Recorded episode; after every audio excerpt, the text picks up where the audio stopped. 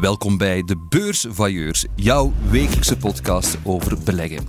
Terwijl de voetbalmanie de wereld tijdelijk op zijn kop zet, gaan de supporters in Qatar het AB InBev-aandeel alvast niet de hoogte injagen. Dat weten we nu al zeker, maar goed, we houden u verder vooral op de hoogte wat het beleggen betreft en wat er echt toe doet, want u luistert naar een nagelnieuwe aflevering van de Beursvailleurs.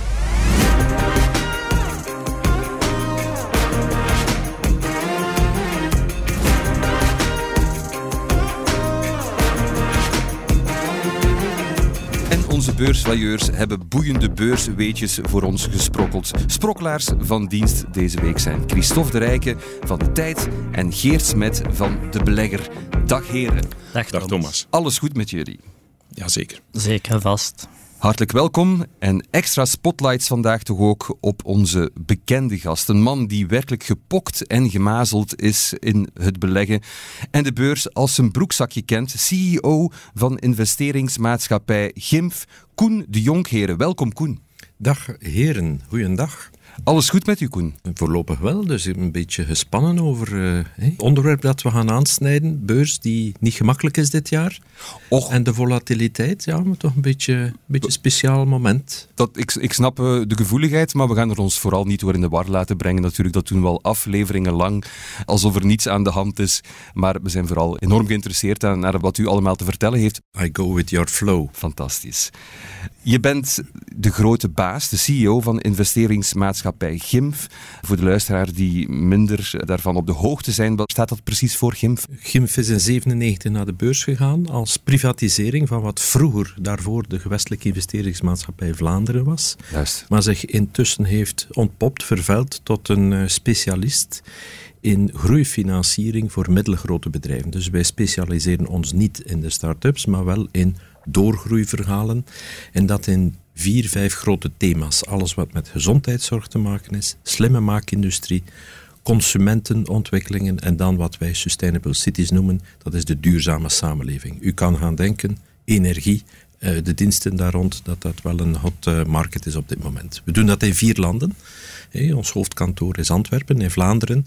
En daarnaast in een eh, kring van een aantal honderd kilometer rond ons land, Den Haag, München, Parijs, onze belangrijkste handelspartners van onze middelgrote bedrijven. Het klinkt als een heel boeiende bezigheid, Koen. Maar dat is het vast en zeker. Hè. Dus eh, waar het beweegt, waar er nieuwe technologie ontstaat, waar er geïnnoveerd wordt, waar eh, bedrijfsleiders zeggen, I have a dream, maar ik kan of durf het niet alleen. Of andere mensen zeggen, ja, ik, ik stop ermee, ik heb mijn deel gedaan en ik zoek een successieoplossing. Of, of eh, ik denk dat de dynamiek in mijn sector zo hevig is dat ik dat niet alleen meer mag of kan doen. Ja, dan praten wij. En dus dat betekent dat wij per jaar honderden businessplannen bespreken met mensen die eigenlijk net eh, op dat kruispunt zitten van al, die, van al die dynamieken, die hevige veranderingen. En dus ja, elke dag een ander verhaal, hè, maar toch proberen de lijn te houden en ons eigen plan verder uitvoeren. Hoe ben je daar aan de slag geraakt? Wel, het is intussen eh, geleden van, van net voor de financiële crisis dat ik daar begonnen ben en dat we een aantal jaar daarna, toen het grootste leed geleden leek, na alle dramatische gebeurtenissen na 2008, hebben gezegd hoe kunnen we beter worden, hoe kunnen we zelf ook groeien en hoe kunnen we belichamen wat we aan onze bedrijven vragen of prediken. Laten we daar ook eh, zelf in die trant eh, meegaan. En toen hebben we besloten om niet meer per land te investeren, maar eigenlijk gewoon thematisch op die grote megatrends waar onze economie eh, mee geconfronteerd wordt. Die grote veranderingen, want waar dynamieken zitten van, van grote veranderingen, innovatie, de technologie, de digitalisering, de internationalisering, ja, daar, daar gebeurt ook heel veel. Laten we ons daarop specialiseren met teams die in meerdere landen werken, maar die eigenlijk voelen Europees wat er gebeurt. En ik zeg Europees, want eh, in die tijd hadden wij nog een tiental investeringen in Rusland. Men vroeg mij op de algemene vergadering, ja, waarom eh, gaat u niet enkel nog naar de BRIC-landen, want daar zit eh, de grootste winst toch voor de toekomst. Nu, Brazilië ondertussen, Rusland enzovoort. Dus ik denk dat wij de juiste keuze toen gemaakt hebben. En eigenlijk daardoor ja, met een aantal fantastische bedrijven eh, echte, echte serieuze groei mee kunnen maken op die trends. Segica Intussen bijna 5000 mensen, een kleine 900 miljoen euro omzet. 19 acquisities sedert wij zijn ingestapt een aantal jaar geleden. Televic, die communicatietechnologie voor treinen, conferentiecentra. Erg boeiend allemaal. Nu sta je toch al een aantal jaren aan het roer van het GIMF-schip. Vaart dat schip op dit moment door woelige wateren? Wel, wij hebben zoals uh, zoveel bedrijven onze rekening moeten maken. Hè, en, uh, en ons afvragen hoe gaan we hiermee om. We hebben denk vooral onze bedrijven de rekening gemaakt uh, in zaken energieintensiviteit, in zaken inflatie, in zaken schuldpatronen. Hoeveel financiële schulden hebben onze bedrijven. Dus wat dat betreft zit dat goed. Energie, dat is mixed. En de inflatie is, is zorgwekkend. Hè, dus dat mag nog even duren.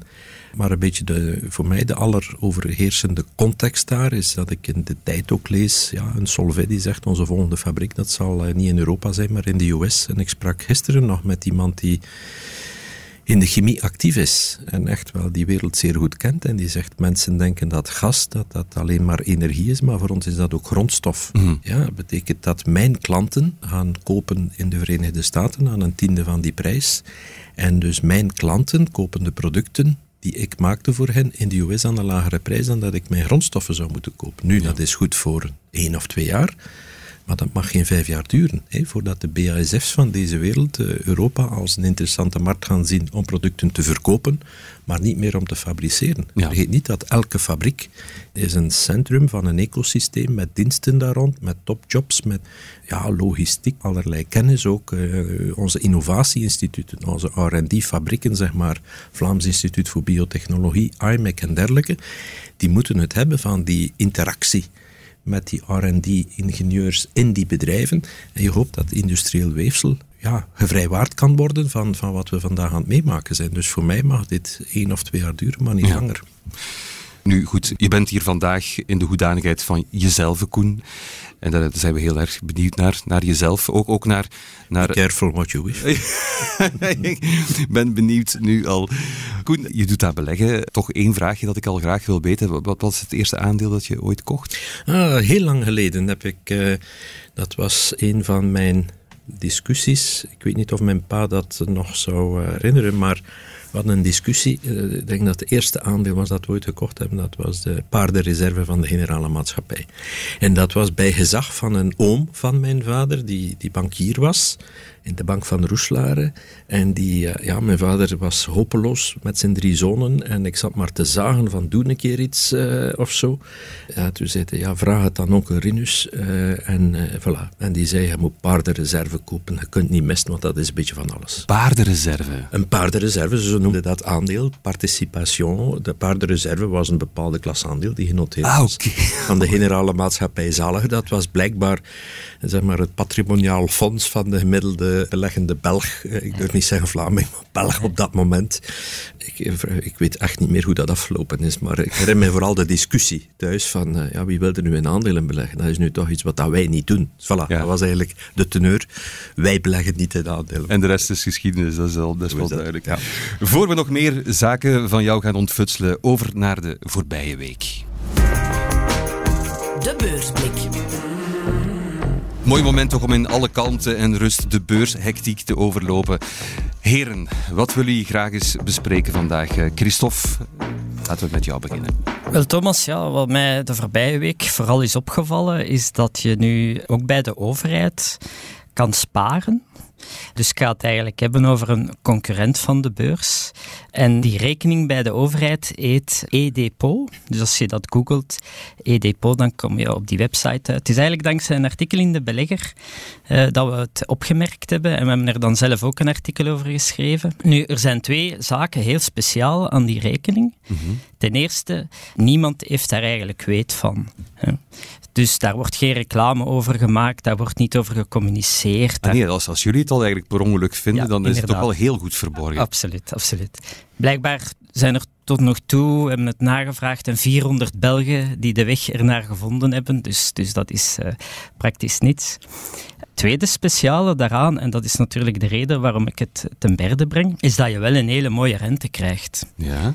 Dus als je vandaag die rekening opent, dat gebeurt trouwens via de applicatie MyMinFin. Okay. Dus voor diegenen die zoals de meesten via internet hun belastingaangifte doen, ja, die kennen die weg wel. Als je een rekening vandaag opent, krijg je een rente van 2% bruto. Alsjeblieft, dat is een goudmijn. En netto, en netto niet te vergeten, na 30% roerende voorheffing is dat 1,4%. Ja. Nu, ik daag u uit om een bank te vinden die u op één jaar eh, 1,4% eh, netto eh, rente zal geven. Het is eigenlijk wel straf dat je dus als overheid je concurrentie aangaat ten opzichte van uh, de commerciële bankwereld. Maar je verzwijgt het. Hè. Je mag wel goed verstopt. Geen, geen reclame over, maar, maar ze kunnen wel uh, iedereen, uh, iedere particulier of particuliere vereniging kan daar wel op intekenen. Absoluut. Het grappige is, als je dan vraagt, ja, wat is er nu eigenlijk de bedoeling van? En, en ja, dan zegt men, ja, ja, maar wij willen geen concurrent zijn van de bank. Het is ook niet onze job om bank te spelen.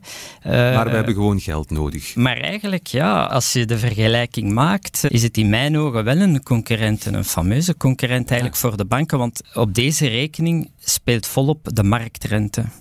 Uh, meer bepaald ja, de OLO, dat is de Belgische overheidsobligatie, met een resterende looptijd van één jaar. Op die manier wordt die rente bepaald.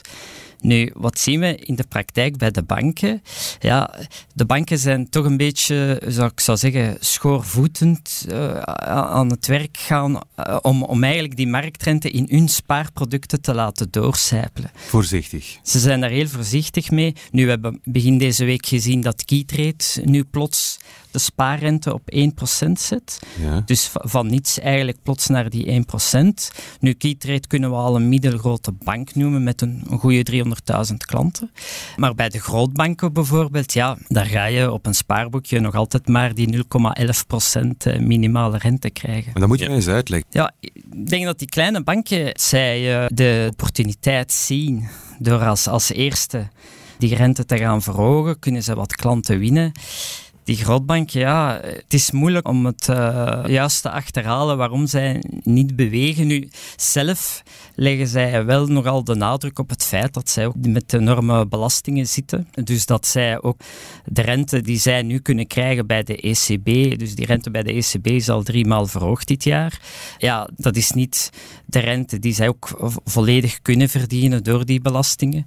Maar dat er een beetje meer bij kan bij wat ze nu bieden, ja, dat, dat lijkt me evident. Maar voorlopig ja, is het een beetje wachten op de eerste grootbank die overstag gaat. Ik vermoed wel dat het de komende weken of, of tenminste maanden zal gebeuren. Maar Christophe, het is nog altijd, zelfs met 2% bruto rente, is het nog altijd een pak minder dan de huidige inflatie. Je geld ontwaart nog altijd wel uh, pijlsnel. We zitten aan een gemiddelde inflatie van 8,8, 9 procent. Ja, je krijgt dan 2% vergoeding bruto, je gaat er nog 30% roerende voorheffing vanaf. Dat is 1,4% netto. Zelfs voor een spaarboekje 0,1 procent. Ja, dat is nauwelijks voldoende om je. Het is niet voldoende om je geld uh, op peil te houden. Kortom, we zijn een beetje in ons eigen vlees aan het snijden, maar niet heel diep, bedoel je, Geert? Wel ja, als je daar uh, switcht van een, van een spaarboekje op een iets hogere rente, is dat wel wat meer positief om je geld op peil te houden. Maar ja, de ontwaarding van het geld is zo groot op dit moment dat er maar nou ja, andere alternatieven moet gezocht worden die hogere dividenden geven. Dat is zeker waar, Geert, maar in een gediversifieerde portefeuille is een beetje cash wel verstandig en toch een beetje die buffer te hebben of, of stilaan eventueel al obligaties. Trouwens, opnieuw, voor de staat brengt nu een staatsbon uit volgende week. En voor de, de staatsbon op vijf jaar uh, hangt nu ook een coupon van bruto 2%. Nu, mm -hmm. op, opnieuw, dat is niet uh, geweldig of zo, maar uh, ga eens opzoeken bij jouw bank op een termijnrekening op vijf jaar. Sommige banken geven daar nog altijd 0,01 procent. Ja. Dus, dus ja, als je de vergelijking maakt, komt de overheid er wel goed in uit tegenwoordig. Ja, Koen zit ondertussen eigenlijk vrolijk te lachen. Ja, je zou beter een paar de reserve kopen als dat zo zit. Koen, wat heb jij voor ons meegebracht vandaag? Wel, ik las in de tijd een artikel dat me toch frappeerde. En, eh, namelijk dat de heugelijke kaap van 100 miljard euro eh, is gepasseerd voor, uh, voor de Belgische pensioenfondsen. En dan heb ik het niet over het klassieke pensioensparen, de derde pijler, het fiscaal sparen, lange termijn sparen en, en, en het pensioensparen, dat, dat, uh, dat heel veel mensen kennen. Maar wat in principe via de werkgever georganiseerd wordt. Het aanvullend pensioen. Aanvullend pensioen, inderdaad. Dus eh, die, de groepsverzekering wordt genoemd en aanverwanten. Ik lees dan dat ongeveer 80% daarvan zijn pensioenverzekeraars en ongeveer 20% zijn eigenlijk pensioenfondsen. Nu, die pensioenfondsen in België bestaan nog niet zo heel lang. En we kennen die bij GIMF omdat ze ook in ons infrastructuurfonds bij Tink mee investeren, in energie en, en public-private partnerships en dergelijke. Dus die pensioenfondssector is in ons land nog redelijk jong. De rest zit bij de verzekeraars, bij het ETIAS, AG Insurance en KBC-verzekeringen en, en Belfius-verzekeringen en dergelijke. En waarom is dat belangrijk? Die, die 100 miljard, ja, is dat een beetje als een mijlpaal eh, naar voren geschoven en dat is het ergens ook wel. Maar vergelijk dat even met wat u, Christophe, met wat u aan het vertellen was, uh, en Heer, namelijk wat op onze spaarboekjes staat. Mhm. Die 0,11 boekjes daar, die 0,11 procent uh, opleveren. Daar staat meer dan 300 miljard euro op. Ja, En dat is dan los van zeg maar, dus de, de, de beleggingsfondsen en de, en de andere beleggingen die men zou kunnen hebben. Dus uh, wat wij sparen via de werkgever en via die systemen voor ons pensioen, groepsverzekering en dergelijke, is uh, niet een derde van wat op de reglementaire spaarboekjes staat.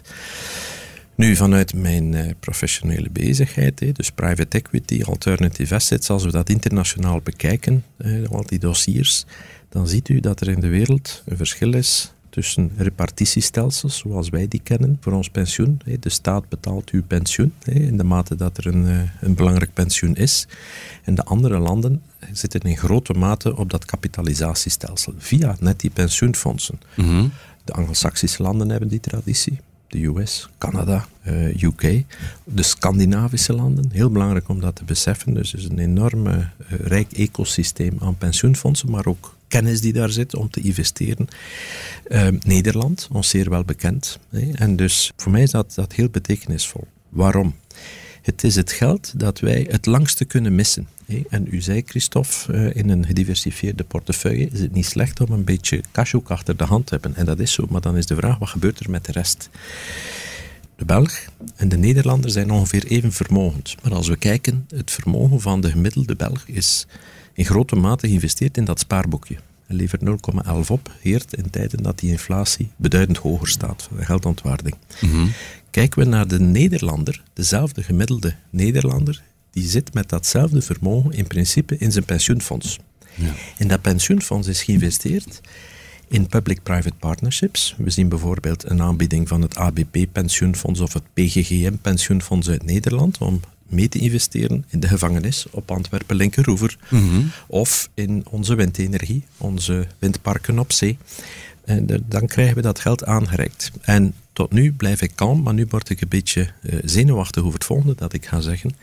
We hebben ook vastgesteld dat bijvoorbeeld, bijvoorbeeld Fluxis, onze gereguleerde gastransitbedrijf, hè, u heeft Elia met de hoogspanningsleidingen, mm -hmm. Een schitterend beursgenoteerd bedrijf met allerlei aandeelhouders. En daarnaast is er ook Fluxis in grote mate in handen van de gemeenten. Daar is op een gegeven moment een Canadees pensioenfonds ingekomen. Ja, oh. u, zou zeggen dat is niet zo heel erg, maar dat is ook niet erg. Ja. Mm -hmm. Maar Fluxis is een gereguleerde asset. En gereguleerde asset betekent dat omdat het een monopolist is, dat eigenlijk die opbrengst van, van dat aandeel en kapitaal mag niet hoger zijn dan wat een billijke return is. En billijke return is een belangrijk concept. Het is niet meer dan een billijke return, de marktrente, maar het is ook niet minder dan de billijke return. Ja? En u zou het kunnen vertalen als profietgarantie. En dan vraag ik mij af, waarom zitten wij met onze spaarboekjes te beleggen aan 0,11%, ja. terwijl dat de Canadese spaartegoeden komen zich hier nestelen in onze profietgarantie. Is dat niet jammer? Hè? En zouden we zelf die kapitalisering, maar dan ook de kennis, want ik heb die mensen nog ontmoet, de Ontario Teachers, de Quebec, uh, de, de, de Depot, uh, de Quebec en dergelijke. Trouwens ook geïnvesteerd in onze uh, luchthaven hier in, in Zaventem. Ik zag in september dit jaar een, een artikeltje van uw collega Christophe, van, van Michael Sevia, dus dat er een transfer gebeurd is van die uh, van die participatie van de, van de Canadezen naar een Zwitsers fonds, dat ik niet ken, maar daar zouden ondertussen dan ook ETIAS en AG Insurance bijgekomen uh, zijn. En ik vermoed en hoop dat dat is eigenlijk met onze pensioenreserves. Dus ik zou hopen dat die kapitalisering, dat dat ook voor lange termijn investeringen kan zorgen die nodig zijn in onze economie, Mhm. infrastructuur. Maar ik zou ook graag hebben dat het concept van billijke return, dat men dat wat beter leert kennen. Want we zouden moeten investeren in onze gezondheidszorg, in onze scholen, in onze infrastructuur, de energiezuinigheid, energieactiva. En wie moet dat allemaal betalen? Dus we kunnen kijken naar vadertje of moedertje staat en zeggen, ja, betaalt u het maar met waarborgen of met cash. Maar eh, uiteindelijk, het is allemaal het geld van de mensen. Ja. En als we naar het, concept van billijke return een, een maatschappelijke consensus zouden kunnen vinden, dat u met de spelregels en de transparantie die gevergd is, dat u kapitaal kan organiseren en mobiliseren om in die infrastructuur te beleggen, dan kunnen we moderniseren, kunnen we onze economie opfrissen. In plaats van alles te laten slapen op een boekje. In plaats van te wachten tot eh, mevrouw Alexia Bertrand de toestemming krijgt van haar eh, consorten eh, in de regering om de begroting terug te gaan kraken voor onze broodnodige investeringen voor die toekomst. Allee, men spreekt in de natuur over biodiversiteit. Men spreekt over ja, kleine en grote planten en dieren en micro-organismen en die reuze sequoia's. In de economie is dat voor mij net hetzelfde. We hebben kleine en grote economie nodig. We hebben multinationals nodig we hebben ook die, die kleinhandelaar nodig. Dat die innovatie die, die piepklein begint en dan, ja, dat moet dan reuze groot kunnen worden als dat lukt. Maar vooral die dynamiek, die, die biodiversiteit in onze economie, moeten zelf maken dat we niet de verschraling financieren via die grote bewegingen. Hè. Ons spaargeld bij de bank wordt geherinvesteerd in onze, in onze huizen, in essentie, in onze eigen bedrijven, in grote mate, ja. Maar ik zou zeggen, ja, die pensioenfondsen, beste mensen, wat doet u ermee? Ja. Interessante- Eh, interessante en het, het, het ja. moet niet allemaal ESG zijn, hè. het is gewoon potverdikke, het is onze eigen toekomst hier. Geert, wat heb jij meegebracht? Wel, eh, de beurzen zijn aan het kalmeren. Hè. Sinds midden oktober zien we toch een, eh, een mooie stijging tot stabilisatie van de beurskoersen. En dan eh, komen bedrijven die geld nodig hebben eh, aankloppen bij de aandeelhouders. Nu er zijn twee manieren om kapitaal op te halen, vers geld op te halen bij bedrijven. Eigenlijk drie manieren. Je kunt leningen uitgeven, maar je kunt bij de aandeelhouders ook kapitaal ophalen. Nu, twee manieren. Private plaatsingen. We hebben hier al in een eerdere podcast nog eens over gehad. Die, zijn, die waren erg populair. Een beperkt bedrag ophalen tegen een beperkte korting. De bestaande aandeelhouder werd wel eh, ja, een beetje verwaterd. Maar anderzijds, eh, het geld werd opgehaald bij grote institutionele, grote partijen. Eh, De snelheid van uitvoering was daar belangrijk. Dat was bij VGP, hè? Dat, dat was een beetje sloeberachtig voor de kleine belegger. hè. Dat mag ik toch nog wel even Ja, dus benadrukken. wat VGP nu doet, is een kapitaalverhoging met voorkeurrecht. Dat is een grote kapitaalverhoging. Ze willen ongeveer 300 miljoen euro ophalen. Nochtans had de sterke man van Geet gezegd eh, begin eh, november nog dat, dat hij zwom in de liquiditeit. Tot midden volgend jaar geen enkel geld nodig was. Maar toch blijkbaar, nu die beurzen wat gekalmeerd zijn, stapt hij toch terug naar de aandeelhouder en dat is een specifiek iets wat ik erover wil hebben, want veel mensen kennen dit niet meer. Dat is al enkele jaren geleden dat dat gebeurd is. Een kapitaalverhoging met voorkeurrecht. Dan wordt er een recht afgesplitst waarmee u kan intekenen op die kapitaalverhoging tegen een lagere koers dan de beurskoers. Nu, de beurskoers op dat moment was rond de 80 euro. En u krijgt dan rechten om, om in te tekenen aan, voor nieuwe aandelen tegen 55 euro. En dat geldt voor iedereen. Dat is voor de Ja. kleine, voor de grote belegger. De kleine en de grote belegger, iedereen gelijk. En dat is de, de meest normale gang van zaken. Als je kapitaal ophaalt, dat je dan eh, bij iedere aandeelhouder gaat aankloppen. Natuurlijk, zo'n grote kapitaaloperatie kost niet alleen geld, maar ook veel tijd. Dus eh, je moet een prospectus schrijven. Dat is toch een bron van informatie voor iedereen. Er moeten bepaalde dingen in staan, risico's vooral. Wij, wij als analisten, wij lezen dat eh, graag, zo'n zo dikke turf van eh 200, 300 pagina's, omdat daar, ja, er staat allerlei soorten eh, informatie in. En ja, bedrijven geven dat ook niet graag vrij aan de buitenwereld, want iedereen kan natuurlijk eh, handig meelezen. Ja. Het is toch wel verrassend dat een VGP als min of meer beltwintiger en ook ja, stabiel, goed gefinancierd bedrijf toch zo snel ja, 300 miljoen euro extra wil ophalen. Nu kunnen ze twee, twee elementen daarvoor. Ja, ze willen zogezegd investeren in nieuwe panden. VGP eh, beheert vooral logistiek vastgoed. Dat zijn dan de grote magazijnen voor de Amazons van deze wereld, e-commerce. Dat heeft men tot hiertoe altijd gefinancierd met die private plaatsingen, snel voor een beperkt publiek met een beperkte korting. Maar nu moet men eigenlijk een grotere korting toestaan. Ik begrijp dat voor iedereen een voordeel kan zijn nu in dit geval. Een kapitaalverhoging met voorkeurrecht, daar kan je drie dingen mee doen. Ofwel teken je voor je volledige uh, rechten in, je kan ook voor een deel van die rechten intekenen, want die rechten zijn apart genoteerd op de beurs, dus je kan er een stukje van gaan verkopen. Ofwel zeg je, ik teken niet in, ik volg die kapitaalverhoging niet, ik geef geen geld aan, aan dit bedrijf meer, het heeft me teleurgesteld of zo, en dan kan je je rechten verkopen. Dat is ook een zekere waarde. Dus dat is dat is het belang of dat is het voordeel aan zo'n uh, publieke kapitaalverhoging met uh, voorkeurrecht. Zijn er ook nadelen?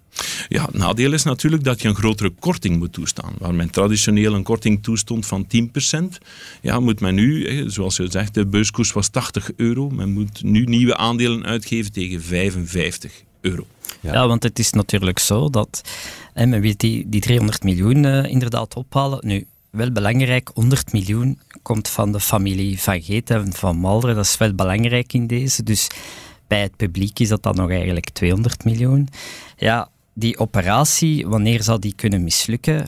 Als die koers ondertussen onder de 55 euro zal zakken. Je gaat natuurlijk geen gebruik maken van je voorkeurrechten, Thomas. Als de koers lager is dan 55 euro. Dat voorkeurrecht is dan niks waard en je gaat dan ook niet inschrijven. Dus daarom, die instapprijs legt men dan ook zo laag mogelijk om ervoor te zorgen dat die kapitaaloperatie uiteindelijk zal lukken. En het ziet er naar uit dat het voorlopig wel uh, goed Dat zal waarschijnlijk lukken. We hebben het nu de hele tijd over vastgoed, maar zien we het ook in andere sectoren? In de biotechnologie sector, dat die eh, heel veel geld nodig hebben. Hè. Dus, uh, en er zijn daar ook publieke kapitaalvloeien met voorkeurrecht. In het geval van Biocartis, dat is ook een transactie die nu momenteel aan het lopen is. Maar we hebben ook uh, Oxidion, die bij de Vleet aandeel eh, aan het uitgeven is tegen heel lage koersen. Nu, in die biotechsector moet je twee dingen goed in doog houden. Men financiert het onderzoek met middelen die men krijgt van aandeelhouders. Maar je moet die middelen wel ophalen als je één een voltreffer hebt gevonden, een nieuw medicijn hebt ontwikkeld, eh, waardoor de beleggers gretig zijn om daarop in te tekenen. Of twee, wanneer je niet onmiddellijk dat geld nodig hebt. Hè. Als je het geld onmiddellijk nodig hebt, ben je altijd gezost. Het geval van Oxurion, de kleine aandeelhouder die vroeger tegen 10, 11 euro aandelen kon kopen, kan dat nu doen tegen een paar eurocent. En dat is allemaal het gevolg van dat men te lang gewacht heeft om uh, kapitaal op te halen of de pijplijn aan nieuwe ontwikkelingen van medicijnen. Ja, dat die teleurstellend zijn. Uh. Dankjewel, beursvailleurs. Dat was bijzonder interessant. Het is uh, tijd om de theorie in praktijk om te zetten. En we gaan eens in jouw portefeuille duiken, Koen.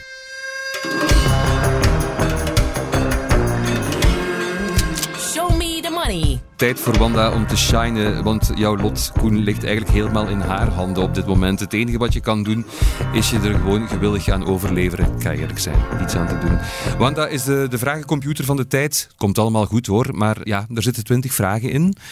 En ik kan niet voorspellen wat eruit komt. Dat is, uh, ja, dat is een groot mysterie. Wel spannend. Ja, het is echt spannend. Vast aan de tafel. Ja, dat is heel goed. Concreet zal ik een cijfer van 1 tot 20 vragen, van 1 tot en met 20. Elk cijfer roept een vraag op. Wat zullen we doen om te proberen? Doe maar Lucky 7 om te beginnen dan. Oké. Wat is je meest recente belegging? Dat is al een heel interessante. Ik ben heel benieuwd naar het antwoord.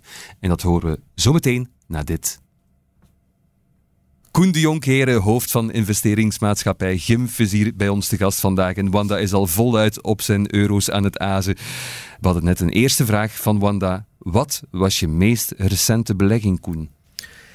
Ja, ik heb, uh, ik heb uh, zoals u allemaal die beurs wat zien, zien gaan dit jaar, mm -hmm. zeg maar naar beneden in essentie. Ja. En uh, een aantal zaken die al heel lang heel populair waren, dus boven pari, boven hun intrinsieke waarde, noteerden de vastgoed GVV's. Geert sprak uh, over, over ander beursvastgoed, uh, VGP die geen GVV is, maar dus de gereguleerde mhm. vastgoedfondsen hebben de eigenschap onder andere dat ze een verplicht stuk van de winst moeten uitkeren. Dus dat is, als ze winst maken, dan, dan hangt daar toch wel een dividend aan. Door de dalende koers is dat dividend navenant groter en Cofinimo, die, die lang boven pari heeft genoteerd, heeft uh, in, met, de met de gestegen wax, zoals dat noemt, uh, kapitaalkosten en de dalende beurskoersen een, een, een, bepaald niveau bereikt. En ik heb uh, vele jaren geleden daar nog een beetje in belegd, maar dus ben, ben opnieuw begonnen. Ah, ja. Intussen is dat eigenlijk een zorgfonds voor 70% geworden naast kantoren en AB InBev cafés nog steeds. En een beetje WDP, die, die dus een fantastisch parcours heeft gereden qua ontwikkeling, mee met de e-commerce recentelijk, maar daarvoor al heel veel jaren een, een, een topparcours in het, in het logistiek, semi-industrieel vastgoed.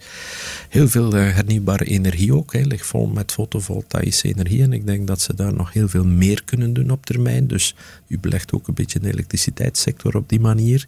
Mm denk, hoop ik, hè, want ik heb, het, ik heb het prospectus niet meer erop nageslagen, Geert. is geen maar dus- prospectus uitgegeven, Koen. Uh, nee. Wat een privaatplaatsing. de ABO's. Dus, uh, de kleine belegger mocht niet meedoen. Nee, maar goed, deze kleine belegger heeft een klein beetje WDP gekocht, omdat ik jaren gekeken heb naar, die, naar dat parcours, maar dat, dat lag vele tientallen procenten boven die intrinsieke waarde. En, en geholpen door het onweer en door uh, Vladimir Poetin komen we terug in de beurt van die intrinsieke waarde. Dus op hoop van zegen heb ik mij wat uh, hopelijk toekomstige dividendjes aangeschaft. Oké, spannend. Nog eentje? Na Lucky Seven pak maar de dertiende. Ik voel hem komen. De dertiende. Wat was je beste belegging? Ah.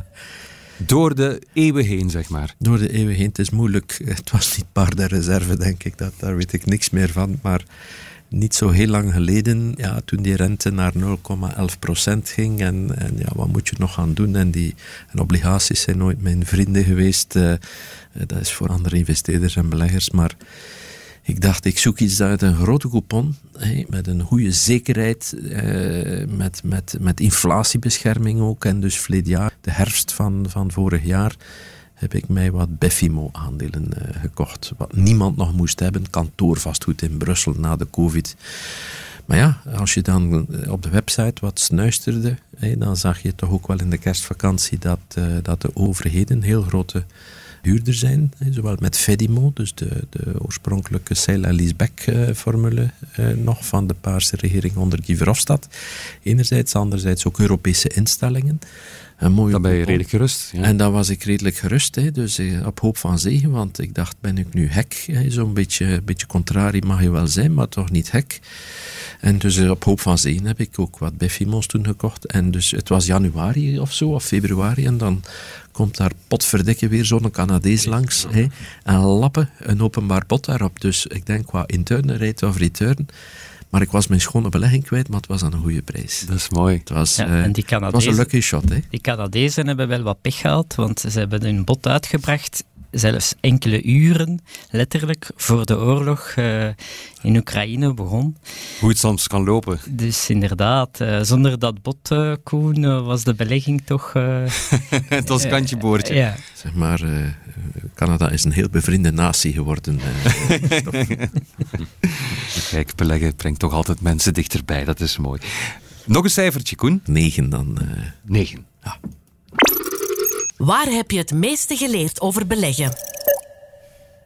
Ja, dat is niet moeilijk. Ik, uh, niet zo ver hier vandaan heb ik zes jaar uh, bij KBC Securities in corporate finance gewerkt. Dus beursintroducties, fusies en overnames. Maar je voelde het DNA van de marktenzaal. Um, ik herinner mij ook dat ik uh, nog eens met een nieuwe beursintroductie van Telenet of, of, of uh, Belgacom was het toen, mochten we eerst naar het Kremlin gaan van de beleggingsbreins van KBC. Dus dat was zo'n een, maandelijks conclaaf van, van asset managers, uh, private bankers, van wat uh, kunnen wij onze beleggers aanbieden, wat mogen we doen, is het nu verstandig? Dus daar kwam wat economie, maar vooral ook wat beetje de sign of the times. En dus daar mochten wij dat gaan zeggen dat we een bepaalde verrichting aan het voorbereiden waren. En dat was wel indrukwekkend. Hè? Dan zag u van die over het algemeen lichtjes grijzende heren zitten, die zo met een blik van wat komt dat ventje hier een keer uh, verlappen aan ons. Hè? Dus uh, je hebt de avond niet meegemaakt van wij. Dat was, was heel interessant. Maar ook die cultuur, de kennis ook over het beleggen. En dan ook het feit dat daar ja, die, de marktzaal, dat is wel een heel speciale omgeving met die analisten, mee met die beurs, emoties ook soms. Hè? Dus uh, als het heel goed ging of als het heel slecht ging. Heb je daar tafereelen aanschouwd die, die bijzonder ja, waren? Toch wel, ja, toch wel. Met die de micro afzetten naast een Bloemberg en een keer moesten roepen en vloeken en extra koffie gingen halen. Ja, dat hebben we allemaal meegemaakt, ja. Dat Ja, het jaar zoals in de 2008 film. heb Ja. ik niet meegemaakt. eh, ik was toen eh, net bij HIMF, maar eh, Ja. ja, ik heb daar heel 2000, veel geleerd. 2001. eh, de 2000, nee, technocrisis. ik, was, ik ben begonnen bij de Bank Brussel-Lambert, nog voordat dat ING werd. Een BBL. En eh, ik heb van die periode vooral een, een onwaarschijnlijke hekel aan hypes overgehouden. Ik heb dat tot en met vandaag. Ik ben een, een hype-hater. Voor mij geen shitcoins, alstublieft. Dank u wel. Oké. Nog een cijfertje? Vijf. Wie adviseert jou? Ja, ik probeer mijn, mijn eigen geweten te zijn. Hè. Wie adviseert mij? Eh, Is er echt niemand waarbij je zo eens iets durft af te toetsen? Wel, ik denk aan mijn kinderen. Wat Ja. zouden ze ervan zeggen als ze het zouden weten of als het hen zou interesseren? Ik moet ook niet uitpakken met beurssuccessen, of strekken de schouders op. En met mijn beursverliezen, dat willen ze niet geweten hebben. Dus ik moet, eh, ik moet mijn plan trekken wat dat betreft. Alle fouten van een belegger zijn mij geheel eigen. Ik hoop door scha en schande een beetje wijzer, hè, older, zijder en wijzer, hoop ik, want je moet er maar op rekenen. Ik heb iemand bij KBC ontmoet, eh, laten we Mr. X noemen, die dicht tegen pensioensvasten was, een, was een verzekeraar, een be- beleggingsspecialist van de verzekeringen. En een, van onze senior bankers eh, vroeg hem, ja, je bent bijna op pensioen, eh, ja, je bent toch een beetje een beleggingsspecialist, waarin ga hij nu beleggen? En die zegt, ja, ik ben nog een jonge man, 63, 100% aandeel. Dat heb ik nooit vergeten. En eh, ja, maar pas op, dat was een verzekeraar, waarvan dat je zou denken, ja, dat zijn mensen die Op een hoede zijn. ja, op een hoede zijn, Ja. verzeker, verzeker. Ik heb dat nooit vergeten, maar ik denk dat hij gelijk had. Hè. Koopkracht, eh, Geert, zoals u zei. Lange termijn, gespreid waarschijnlijk ook. En eh, ik probeer, probeer te blijven. Ik denk dat ik aan de kopende kant zo handel. Ik denk dat. Maar eh, als ik het dan heb, dan word ik emotie, emotioneel of ongedurig enzovoort. En dus ik kan niet lang houden. Maar ik koop goed. Ja. Maar als, als dan de Canadees niet afkomt, ja, dan, dan houd ik het voor het algemeen geen 20 jaar uit. Dankjewel Koen, dat is heel mooi. Bedankt dat je zo eh, openlijk in je beurs hebt laten tasten door Wanda wel te verstaan. En dan komen we nu aan het tweede spannende gedeelte van de show. Vooral eh, voor de experten dan. Het is tijd om een luisteraar te helpen. Hulplijn. U weet ons te vinden zoals steeds beste luisteraar. En laat ik eerlijk zijn, dat is heerlijk. Want we helpen u heel graag. Dat is per slot van rekening onze taak. En onze luisteraar deze week luistert naar de naam Jimmy. Dag Jimmy. Hallo allemaal. Beste Jimmy, vlot de weg naar onze mailbox gevonden? Ja, heel vlot hoor. ik ben een trouwe luisteraar, dus... Ah, ik, ik was voorzichtig aan het poken, maar je zegt het nu, dus is heel leuk om te horen. Dat, wou ik, dat is het enige wat ik wou horen, los van jouw vraag natuurlijk. Want hoe kunnen wij, in elk geval dit straffe team hier vandaag, jou helpen? Ja, ik had eigenlijk eens een, een vraag over wanneer beursgenoteerde bedrijven bepaalde takken van een onderneming eigenlijk gaan afsplitsen. Eh, ik heb zo zelf bijvoorbeeld Colruyt al, al een hele tijd in mijn portefeuille. En ik merk eh, dat ze bijvoorbeeld van een, een, een energietak, dat ze dat dan onderbrengen in een andere vennootschap of een andere holding, of hoe moet ik dat noemen. En ik vraag me eigenlijk af of dat al een nadeel heeft voor mij als aandeelhouder van Colruyt. Mhm. De energietak, dat is die, dat is die DATS 24, eh, geloof ik, hè? Ja, en, en het windmolen, windmolenpark, als ik me niet vergis, en zo. En, maar je merkt het tegenwoordig bij, bij andere bedrijven ook nog zo, dat ze bijvoorbeeld hun elektrificatie van auto's of zo, dat ze zeggen van ja, we gaan dat apart op de beurs brengen, of we gaan dat afsplitsen. Eh, heeft dat dan nadeel voor de aandeelhouder, of niet? Ja. Dat is eigenlijk mijn vraag. Oké, wie begint? Ik zou erop willen antwoorden dat je natuurlijk als je als bedrijf iets gaat afsplitsen, dan kan je daar een concrete waarde op kleven. Hè? Dus dat, in principe zou dat positief moeten zijn voor de beurskoers van die betrokken bedrijven. Als de waarde hoog genoeg is natuurlijk. In het geval van Colruyt, ja, die holding, die energieholding of groene transitieholding, Viria, daar kleven sommige bankanalisten toch al een eh, mooie waarde op, eh, rond de 2 miljard euro. Als je weet dat de beurskoers van Colruyt amper 3,3 miljard euro is, ja, dan, dan weet je, als dat Ja. afgesplitst wordt en wordt een concrete waarde opgekleefd, ja, dan zal dat in principe positief moeten zijn voor de ontwikkeling van een beurskoers. Maar dat is niet altijd zo. We hebben dat nu heel recent in Duitsland gezien bij de afsplitsing eh, van Porsche door uh, Volkswagen. Volkswagen heeft amper 25% van Porsche naar de beurs gebracht. Ja, dat is vandaag de dag al veel meer waard dan de beurskoers van Volkswagen, maar die heeft niet gereageerd. Integendeel, als je de koers van Porsche uh, neemt, die rijgt eigenlijk elke dag de koersrecords aan elkaar. Maar de koers van Volkswagen heeft daar eigenlijk amper op gereageerd. Het zijn niet altijd communicerende vaten? Het zijn niet altijd communicerende vaten. Oké, kan ik nu besluiten dat het eigenlijk niet te voorspellen is? Ja, over, over het algemeen wordt een focus op een bepaalde kernactiviteit wel geapprecieerd door de beurs. In het geval van Colruyt, ja, dat, dat bedrijf wordt gevolgd door analisten die gespecialiseerd zijn in retail en hernieuwbare energie. Ja, dat is, het is duidelijk dat het niet eh, tot zijn recht komt binnen Colruyt. Ik zou eigenlijk nog een ander voorbeeld willen geven van een volledige afsplitsing dan dit jaar, wat eigenlijk toch een succesverhaal is. Dat is die afsplitsing bij CFE, dus van DEME. Eind juni is DME losgekoppeld geworden van CFE. Mhm. Het zijn nu twee aparte bedrijven. Wat zien we nu? Dat DME sinds die afsplitsing met 10% is gestegen. Tegenover, ja, laten we zeggen, een Bel 20 die, die kwakkelt, hè, op, op zijn zachtst gezegd. En het opmerkelijke, iedereen zei op voorhand, ja, iedereen gaat in DME investeren en die CFV, ja, de CFV, dat zal uh, niet populair zijn.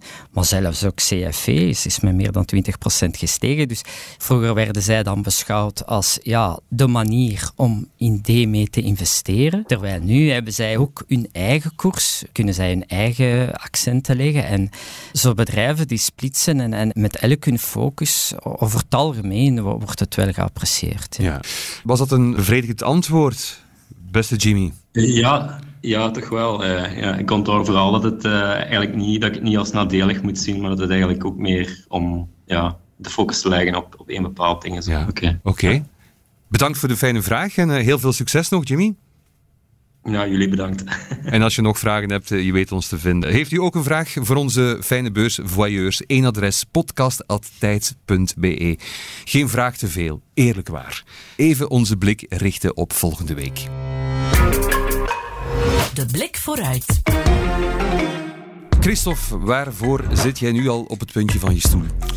Ja, Thomas, wij zijn volop bezig met de voorbereidingen van uh, Finance Avenue. Dat is uh, onze grote geldbeurs op zaterdag 3 december. Ik heb me laten vertellen dat, dat er al 3800 mensen zijn ingeschreven. Oké. En ik heb ook vernomen dat jij er zelf ook zal zijn. Is waar? nee, dat is waar. Dat klopt dus, inderdaad. Uh, ja, daar kijken wij absoluut naar uit. Dus ik dat ook. wordt, wordt een hele fijne dag. Eindelijk is onder de mensen. Voilà. Fantastisch. Geert, verblijd ons met een lichtpunt. Wel, ik, uh, ik, moet ook mijn borst nat maken, want ik ga het uh, op de Finance Avenue op Tour en Taxi hier in Brussel vooral hebben over hernieuwbare energie, groene energie, de transitie. Daar zit ik in een panel. Ook over uh, de, de cryptomunten en de technologie sector in het algemeen. Je maakt daar van die vreemde handbewegingen bij als je cryptomunten uitspreekt. Dat is heel grappig. Het is weinig het, het, is spijtig voor de cryptobeleggers dat het vandaag gebeurt. Hè. Een jaar geleden zouden ze nog enig tegenwerk tegen mijn pessimisme kunnen uh, ingebracht hebben. Maar wees zeer voorzichtig daarin uh, ja. in te investeren. Koen, waar kijk jij naar uit? Wij gaan volgende week doen wat ik eh, deze week heb gedaan en verleden week heb gedaan. Dat is heel spannend. Investeren. Okay. Investeren. Een heel goed plan. Dankjewel voor vandaag onze beursvailleurs van dienst Geert Smet en Christophe de Rijke. Onze luisteraar Jimmy voor zijn mooie vragen. En natuurlijk niet te vergeten onze bekende vailleur Koen de Jonkeren. Volgende week zijn we opnieuw met een nieuwe bekende vailleur die nog niet al te veel kwijt wou. Behalve dit. Graag tot volgende week. Hallo beursvailleurs. Of ik volgende week tijd heb om langs te komen. Oké, dat is goed. Maar dus uh, niet zonder een goed ontbijt, hè? want uh, dat weten jullie, ontbijt is de belangrijkste maaltijd van de dag. En kijk, dat treft, daar zorg ik hier in België voor. Meer kan ik niet verklappen. Tot volgende week. Dit was de Beursvoyeurs. Presentatie door Thomas de Soete, productie door Anne-Sophie Moerman. Mis het beursnieuws niet op tijd.be. Graag tot volgende week.